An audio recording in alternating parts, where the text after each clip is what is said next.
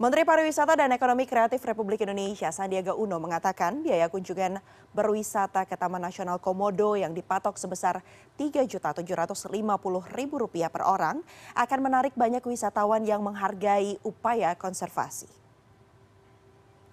Dalam keterangan pers yang digelar di Gedung Sabta Pesona, Kementerian Pariwisata Jakarta Pusat pada Senin petang, Menteri Pariwisata dan Ekonomi Kreatif Republik Indonesia Sandiaga Uno mengatakan bahwa biaya tersebut berlaku di Pulau Komodo, Pulau Padar, dan beberapa kawasan perairan sekitarnya. Meskipun baru sebatas rencana, namun Sandi meyakini kebijakan ini akan menarik banyak wisatawan yang menghargai upaya konservasi.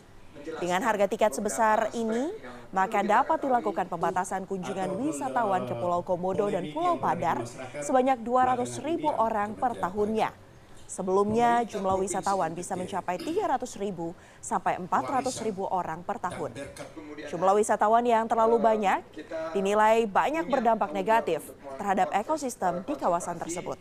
Dan sekali lagi, eh, ini merupakan satu kebulatan tekad dari Kemenparekraf bersama dengan Pemprov NTT, KLHK, CQ eh, Balai Taman Nasional Komodo untuk terus melakukan upaya-upaya terbaik dalam solusi pengembangan pariwisata dan konservasi di kawasan Taman Nasional Komodo.